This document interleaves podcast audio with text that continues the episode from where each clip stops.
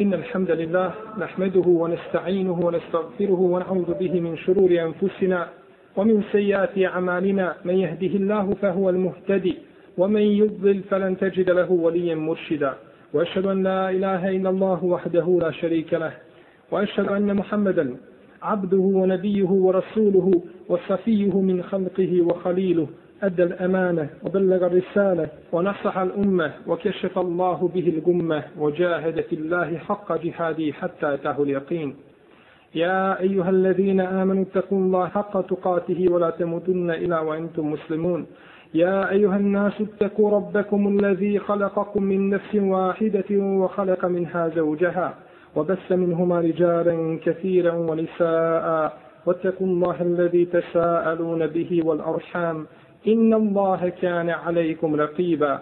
يا أيها الذين آمنوا اتقوا الله وقولوا قولا سديدا. يصلح لكم أعمالكم ويغفر لكم ذنوبكم. ومن يطع الله ورسوله فقد فاز فوزا عظيما. أما بعد فإن أحسن الكلام كلام الله. وخير الهدي هدي محمد صلى الله عليه وسلم. وشر الأمور محدثاتها. وكل محدثة بدعة وكل بدعة ضلالة وكل ضلالة في النار. Draga moja braćo, bilježe sabirači sunena imam Ahmed u svome musnedu, imam Tabarani u svome Mu'ađemu Kebiru, sa lancem prenosilata koga je vjerodostojnim ocenio šehol Islam imam Nevovi, da je poslanik sallallahu alaihi wasallam jednog dana, jednog petka držao hutku svojim ashabima, pa je vidio Hasana i Huseina kako prilaze džami, kako prilaze mesčidu, a na svakom od njih crvena košulja. Ovo se odnosi, kada kažemo crvena košulja, odnosi se da je ovaj hadis ili da se ovaj događaj desio prije zabrane, prije zabrane ili nakon zabrane, ali da je u toj košulji bila nekakva druga boja mimo crvene. Znači, bile su crvene košulje sa nekakvim dugama ili prugama. Kada su oni prilazili džami, posrtali su i ustajali.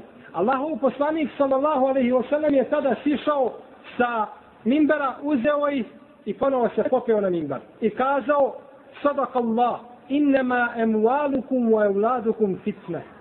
Kaže, istinu je rekao uzvišeni Allah Đelešanu, u istinu su vama vaši imeci i vaš porod iskušenje vama. U ome hadisu, draga moja braćo, ima više koristi. Jedna od najizrazitijih koristi koja se krije u ome hadisu jeste način postupanja poslanika sallallahu alaihi wa sallam sa djecom i njegova milost i njegov rahmet prema njima.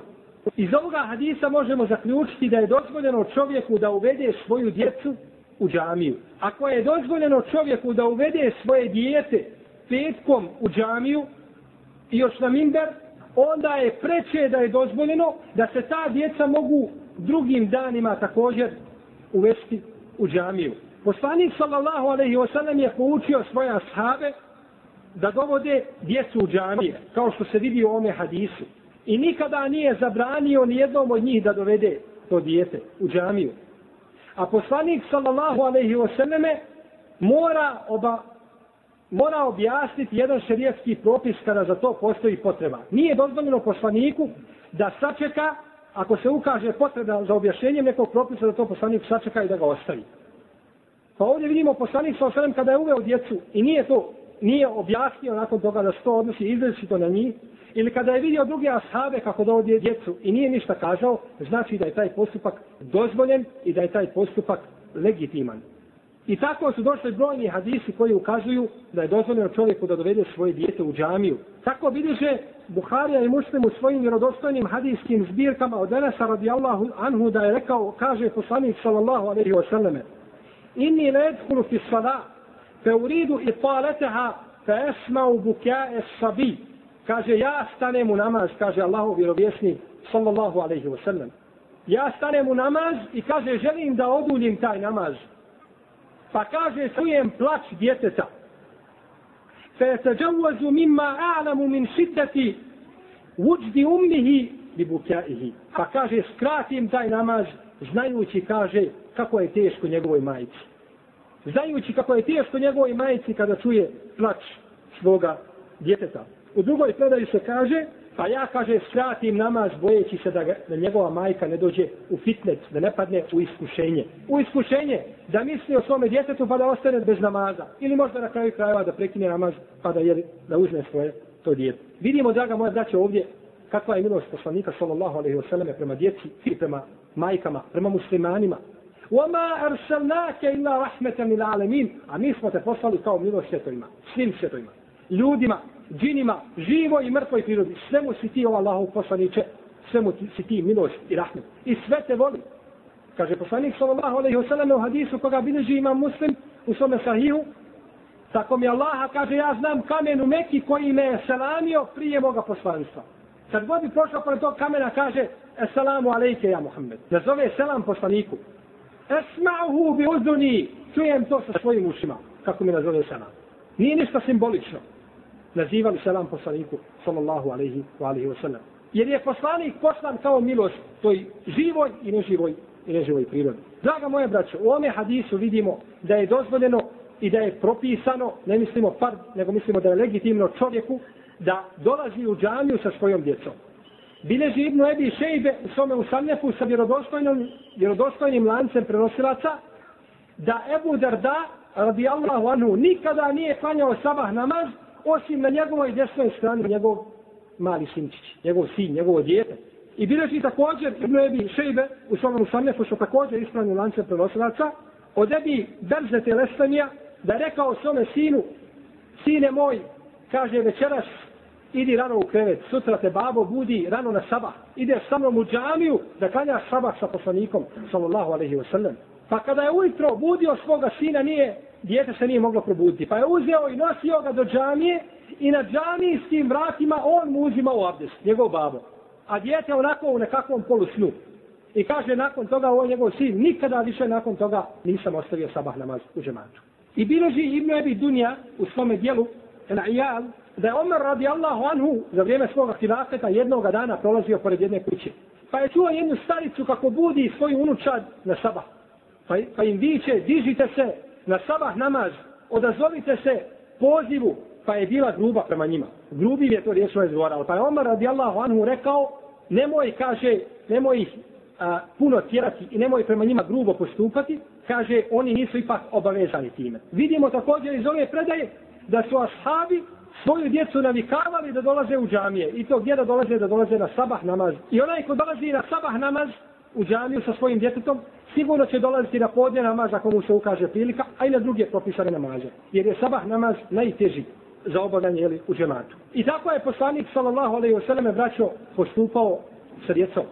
Biloži imam Hakim i Bejhefi od Šedada ibnul Hada da je poslanik sallallahu alaihi wa sallam jednoga dana došao u džamiju i sa sobom doveo, doveo Hasana i Huseina. Pa su počeli sa namazom. Pa je poslanik sallallahu alaihi wasallam učinio seđdu. Kaže ovaj Šedad ibn Had, kaže pa je Allahov poslanik ostao dugo i dugo na seđdu. Tako da smo mi pomislili već nešto loše. Odnosno pomislili smo da je, posla, da je Allah Đeršanu uzeo dušu poslanik sallallahu alaihi Ne diže se poslanik nikada. Kaže Šedad, pa sam ja lagano među safova dignuo glavu i pogledao napred prema poslaniku. Kaže, pa sam vidio da je jedan od njih dvojice poslaniku na leđima jedan od njih dvojica, ili Hasan ili Husein, da se popeo poslaniku, alaihi salatu wasalam, na leđa. Kada smo, kaže, završili namaz, kaže, upitali smo poslanika što smo tome uradio, se Allaho poslaniće nešto što nisi nikada prije uradio. Kaže, jedan od ova moja dva sinčića se popeo na moja leđa, pa sam mrzio da ga uznemiravam. Mrzio sam da ga uznemiravam. To je dijete došlo. Vidite šta je poslanik što se smatrao je, ako bi se podigao svoju glavu sa sežde da je to uznemiravanje djeteta. Jer je dijete došlo u džamiju hoće poslanik sa osrem da učini djetetu džaniju najljepšim mjestom. Pa je tako ostao dugo na sežbi, tako da je to mnoge ashabe zabrinulo. Vidite da je jednog ashaba dovelo da učini stvar koja je zabranjena. Haram je dići svoju glavu prije imama. Poslanik sallallahu alaihi wa sallam kaže hadisu koji se nalazi u sahihu, podigne svoju glavu prije imama, sad se ne boji, kaže da će mu je Allah Žešanu pretvoriti u magareću glavu. Zabranjeno djelo. Ali ovaj Asab nije više mogao izdržati, jer se pretpoje za poslanika sa kada je vidio, vidio jednog od njih dvojice na leđima poslanika, sallallahu alaihi wa sallam. I bileži imam Tabarani u svome mođe Morkebiru sa lancem prenosilaca kome je prigovorio imam Nesai. Znači, predaja nije vjerodostojna. Da je poslanik sallallahu alaihi wa sallam jednog dana stavio Hasana i Huseina na svoja leđa i da je hodao na svojim rukama i da je rekao ni'mel džemel džemelukuma. Kaže, lijepa li je deva vaša deva, deva vas dvojice. Da je poslanik sallallahu alejhi ve selleme nosio na svojim leđima. Vidimo, draga moja braćo, kako se postupa prema djeci i na koji se način djeca odgajaju. A najlepši odgoj i najlepši metod i najlepše mjesto za odgoj djece jesu džamije, Allahove dželšanu kuće. Jer se u Allahovim dželšanu kućama spustaju meleki i dolaze i oni obavijaju mežlise i sjela gdje sjede muslimani, gdje se poučavaju Allahove dželšanu vjeri njegovim propisima. I to djete koje se nađe na tom mjestu nalazi se na nekakvom mubarek mjestu, ako tako možemo kazati. Na takvom mjestu je samo hajri dobro. Kaže Ibnu Bintu Muawiz, mi smo našu djecu poučavali da poste, postili smo mi, kaže, dana šure i mi smo našu djecu poučavali da poste taj dan. Dana šure je, braćo, bio propisan post, taj dan je bio propisan prije Ramazana. Ašura to je deseti dan mjeseca Muharram. Taj dan Ašure je bio propisan, bio je obavezan postiti muslimanima. Kada je poslanik sallallahu alejhi ve sellem došao iz Mekke u Medinu, našao je židove da poste taj dan. Pa ih je upitao zbog čega postite. Kazali su, ovo je dan u kome Allah Đelešanuhu izbavio Musa, alaihi salam, od faraona. U tom danu je Allah Đelešanuhu izbavio Musa i potopio faraona. I mi postimo i zahvale prema Allahu Đelešanuhu. Pa je kazao poslanik, kaže, ja sam preći Musa, alaihi salam, od vas. Ja sam preći Musa, i sam od vas, pa ga je postio. Poslanik sam i naredio da se taj posti. I zato Ibn Abdul Ber navodi konsensus islamskih učenjaka da je dana šure bio obavezan post prije Ramazana. Kada je poslanik sa osanem naredio to, pa kada je nakon toga propisan post Ramazana, onda je dokinuo, taj ramazanski post je dokinuo post Ašure. Pa je Ašura ostala dobrovoljno da se posti. I lijepo je post uz Ašuru, sa su taj deveti dan iz tog mjeseca, dan prije, da bi se time razlikovao, jer tu je poslanik kazao, razlikovao ćemo se, kaže, od židova, pa ćemo mi postiti deveti i deseti dan. A oni neka postije samo deseti dan. I dana šure, braćo, briše od grijeha prošlu godinu.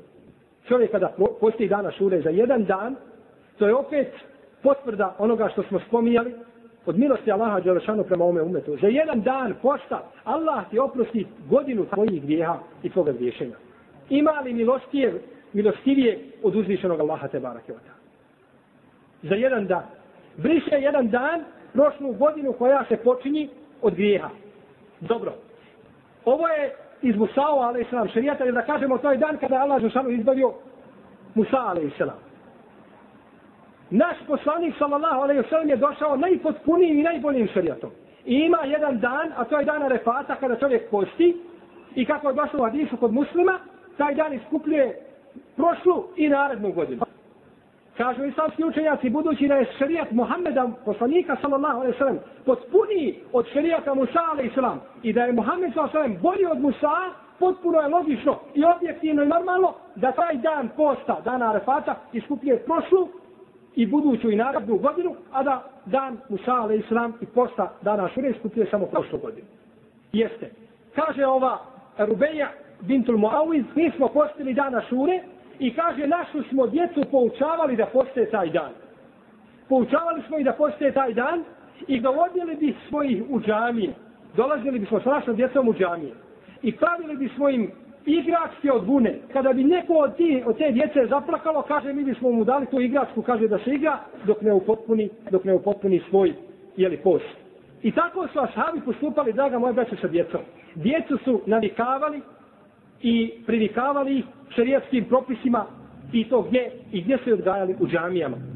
Kaže Omar radijallahu anhu, bilježi Buharija u svome sahihu da je Omar radijallahu anhu vidio čovjeka koji ne posti u Ramazanu. Pa mu je naredio da se bičuje i kaže teško ti se naša djeca poste. Mala naša djeca, ona poste. A ti ne postiš. Pa je naredio Omar radijallahu anhu da ga protjeraju u Šam. Pa su ga, pa su ga protjerali. Kaže šehol Islam ibn Tejmije, rahmetullahi alaih, nije dozvoljeno nikome da istjera iz džamije muslimana, niti ženu, niti djete. Nema pravo niko da istjera djete. I da zabrani ulazak djece u džamije. To nije dozvoljeno. Kojim hakom i kojim pravom da neko zabrani ulazak djeteta u džamije? To je Allahova Đelešanu kuća. Kuća gdje se Allahu Đelešanu pokornost čini. Ko može zabraniti ulazak djece ili žena u džamije? To može zabraniti kada je poslanik sallallahu alejhi ve rekao u hadisu koga bilježi Taberani i Bejheti, a dobrim ga je cijenio imam El Bezar, kaže El mesjidu bejtu kulli mu'min, Mesjid i džamija je kuća svakog vjernika. To je kuća svakog vjernika. U drugoj predaji koja također ima dobar lanac prenosilaca, El mesjidu bejtu kulli tefijin. Mesjid i džamija je kuća svakog bogobojažno. Svakog onog ko se boji Allaha Đelšan, svakog muslimana, jeli, mesčid je njegova kuća i njegov dom. Ima pravo da uđe u njega i nikoga ne može ostraniti i istjerati van, van mesčida. Draga moja braća, ako mi nećemo našu djecu odgajati u džamijama i ako ih nećemo dovoditi u džamije, gdje ćemo onda odgajati našu djecu? Ko će to odgajati našu djecu? Hoće li ih odgajati ulice? I hoće li odgajati pokvarene škole? I hoće li odgajati šeitanski rogovi koji se razapnu po kućama, koji emitiraju preko 50 ili više najpokvarenijih programa, koji samo djecu odvode od Allaha Đalšanu i njegovog puta. Ako i neće džamije odgajati, onda je neminovno da ih odgaja ono što je Allah Đalšanu zabranio i ono što odvaja muslimane od pravog puta. To i jeste njihov cilj, zbog toga i jesu izmislili to. Da bi muslimane odvojili. Pa kad muslimanu ne mogu ga pokvariti, onda mu načine i naprave uređaj koji će pokvariti njega u njegovoj kući, njegovu porodicu. I onda to muslimani objeručke prihvate i tako se kvare muslimanska muslimanska društva. Ako, braćo, nećemo odgajati našu djecu u džamijama, gdje ćemo ih onda odgajati? Hoćemo li čekati da naše dijete dođe sa ulice i da psuje Allaha Đelešanu i vjeru i poslanika? Hoćemo li očekivati da to dijete postane najveći neprijatelj Islama i dina i vjere? A mimo džamije će to postati, to je neminovno, to je Allahov sunnet. Jer je Allah Đelešanu redio da se muslimani u džamijama odgajaju. Jer su džamije napravljene na takvi na bogobojaznosti. I tu se odgajaju generacije. Poslanik sallallahu alejhi ve selleme kada je došao u Medinu prva stvar koju je započeo od većih projekata bila je gradnja džamije. I tu su se muslimani okupljali, tu su se dogovarali, tu su svoje planove kovali. Tu su čak se navodi u pojedinim predajima da su zarobljenike za džamijske stubove vezani. Džamija je osnovna ta institucija odakle sve počinje. Iz, iz džamije izlaze generacije koje su odgojene na kitabu i na sunnetu. Zato pogledajte, draga moja braća, samo šest od islama Ibn Taymije. On je čovjek koji je odgojen u džamiji. Sa 12 godina raspravljao je sa jednim židovom, a mi ćemo uz Allahovu pomoć, ako Allah Đelšanu dana mogućnosti posebno govoriti o istoriji ili kratkoj biografiji šehovi Islama Ibn Tejmije. Sa 12 godina jedne prilike vraćajući se iz džamije, sreo jednog židova. I raspravljao sa njim na putu i taj je židov istog momenta primio islam. Sa 12 godina, dijete od 12 godina. Danas mi se još uvijek borimo da li naše dijete od 15 do 12 godina zna klanjati. Da li je čulo za namaz i slično tome. A ovdje dijete od 12 godina najveći Allahove neprijatelje uvodi Allahu vjeru. To je odgojeno u džamijama. Zato, draga moja braćo, neophodno je vjerniku muslimanu da povede računa i da gleda gdje će odgajati i na kojim mjestima svoju djecu. Znajte da je dolazak u džamije bila praksa naših prvih pokoljenja, najboljih generacija. I da nema ni jednog jedinog hadisa koji brani da se djeca dovode u džamije. Nema vjerodostojnog hadisa. I jedan jedini hadis u koga bilježi Ibnu Mađe u svome sunenu i bilježi ga imame Dejleni u Musnadu Firdeus sa lancem prenosilaca za koga kaže Hafiz Ibn Hađar, Imam Neovi, Imam Busiri, Ibn Džauzi i Abdul Haq el Špili i šejh Albani. Šest najveći imama i hadijski srčaka kažu za ovaj hadis da je, da je slab, da ne vrijedi. Da se ne može sa njim dokazivati. Jeste hadis koji se pripisuje poslaniku. Džennibu sidjanekum mesađidena. Ili džennibu mesađidena sidjanekum. Kako hoće. Nemojte dovoditi vaše malodobne i djecu malu u džamije. Izbjegavajte to. Hadis koji nikakve vrijednosti nema kod hadijskih slučajaka ne, ne samo to, već se kosi sa praksom poslanika sa osnovim njegovim ashabima. Vidimo da je poslanik sa to činio. Nemoguće da poslanik kaže nemojte nešto činiti, pa nakon toga čini on i vidi ashabe da čine i onda da to poslanik sallallahu alaihi wasallam da on to prešuti. Možda će neko kazati ako dovedem svoje dijete u džamiju, dijete će biti nemirno i ometaće. To je neminovno. To je priroda djeteta da je dijete dosadno i da dijete skače i da se dijete kreće. To je priroda djeteta. No međutim, kažemo, imaju pojedini momenti ili trenuci ili vremena u džamijama kada čovjek treba nastojati da smiri svoj dijete. Naročito u namazu I naročito kada se radi ovaj, o predavanjima i slično tome da ne bi ometao prisutne i skretao pažnju, sada je čovjek obaveza da shodno svoje mogućnosti da smiri svoje dijete. U namazu neka stavi svoje dijete pored sebe, sa svoje desne ili lijeve strane. Hadis u kome, koga bilježi imam Nesai i imam Ahmed, u kome se kaže da je poslanik sallallahu alaihi wasallame u njegovo vrijeme da su prvo klanjali muškarci u pred njim safovima, potom djeca, potom žene, je hadis oko koga postoje razilaženja među islamskim učenjacima oko njegove, njegove vjerodostojnosti. Jer u njegovom lancu prenosilaca ima Šehr ibn Haušeb, kome su prigovorili određeni islamski učenjaci. I neki pravnici ovaj hadis ne prihvataju. Nego stavi svoje djete pored sebe i tako će se djete naučiti namazu, naučit će se pokretima namaza. A ovaj hadis i kad bi bio vjerodostojan, onda bi se odnosio na djecu koji su već možda malo a, a, odrasli tako da znaju da u namazu trebaju biti mirni i da ne trebaju i da ne trebaju ometiti. Jer djec, za djecu u namazu vrijedi propis kao i za odrasle. Prenosi se da je Sufjan Seuri jedne prilike ušao u džamiju i našao čovjeka koji je poredao djecu u sap, onu malo veću, i kaže poravnajte sap, popunite sap, zbijite sap, zbijite rame uz rame i koljeno uz koljeno i stopalo uz stopalo, tako je naredio poslanik sallallahu alaihi wa sallam, kada je to čuo Sufjane Sauri, kaže, tako mi Allaha kaže, Allahova se srđba nikada neće spustiti na ovoga roba. Jer takav poučava, generacije poučava ih namazu. A odakle će početi jedna generacija da se odgaja ako neće od namaza? Ako neće od tog osnovnog, temeljnog i glavnog, jeli, a praktičnog obreda u islamu. I zato su, draga moja braćo, ashabi vodili posebnu brigu o tome. Kaže Amr ibn Seleme, ja sam predvodio ashabe u namazu, a kaže imao sam samo sedam ili osam godina. Predvodio sam ashabe jer sam bio najučeniji. Najviše sam poznavao Kur'ana od njih sviju. Čak oni stari ashabi koji su bili nisu, kaže, poznavali Kur'ana koliko i ja. Pa sam ih ja predvodio. Kada bi, a ovu predaju bilježi imam Ebu Davud u svome sunenu, imam Ahmed i drugi, kaže kada bi ih predvodio, nisam imao osim jednu staru odjeću koju sam, kaže, oblačio. Pa kada bi otišao na seždu, otkrilo bi se nešto od moga tijela. Pa je kazala jedna od žena, kazala je tim ljudima, Varu aurete kariikum, kaže pokrijte aureti stidno mjesto svoga karije. Kaže pa su ošli nakon toga i kupili mi jednu omansku košulju. Jednu veliku omansku košulju, najljepše nešto. Kaže nisam se nakon islama svoga ničemu više obradovao što toj košulju. Pa sam je, kaže, nakon toga oblačio i predvodio sam ashabe u namazu. Možete zamisliti, draga moja braća, kada se jedna generacija odgaja na ovakvim principima, kada se jedna generacija odgaja da tvoje dijete bude tebi imam od 7 ili 8 godina, on je kao dijete spreman da predvodi džemat, on će kao dijete biti spreman da predvodi državu i da predvodi jedno društvo. No međutim, ako je on odrasto i sa svojih 25 ili 30 godina nije spreman da podnese ili da obavi osnovne propise kojim ga je Allah Žešanu zadužio, što očekivati od tog djeteta? Jedna židovkinja curica kaže, sa 14 godina sam počela razmišljati kako da ostvarim židovske ideje. Sa 14 godina počela sam razmišljati. I takva je završila u parlamentu židovskom i veliki hajr napravila za židovsku državu. A veliko zlo za muslimani. Sa svojih 14 godina, gdje su muslimani, gdje su muslimanke da odgajaju djecu? Zašto muslimanke majke ne povedu računa o svojoj djeci i o dovodenju svoje djece u džamije? A isto tako i očevi, jer su oni odgovorni za njih.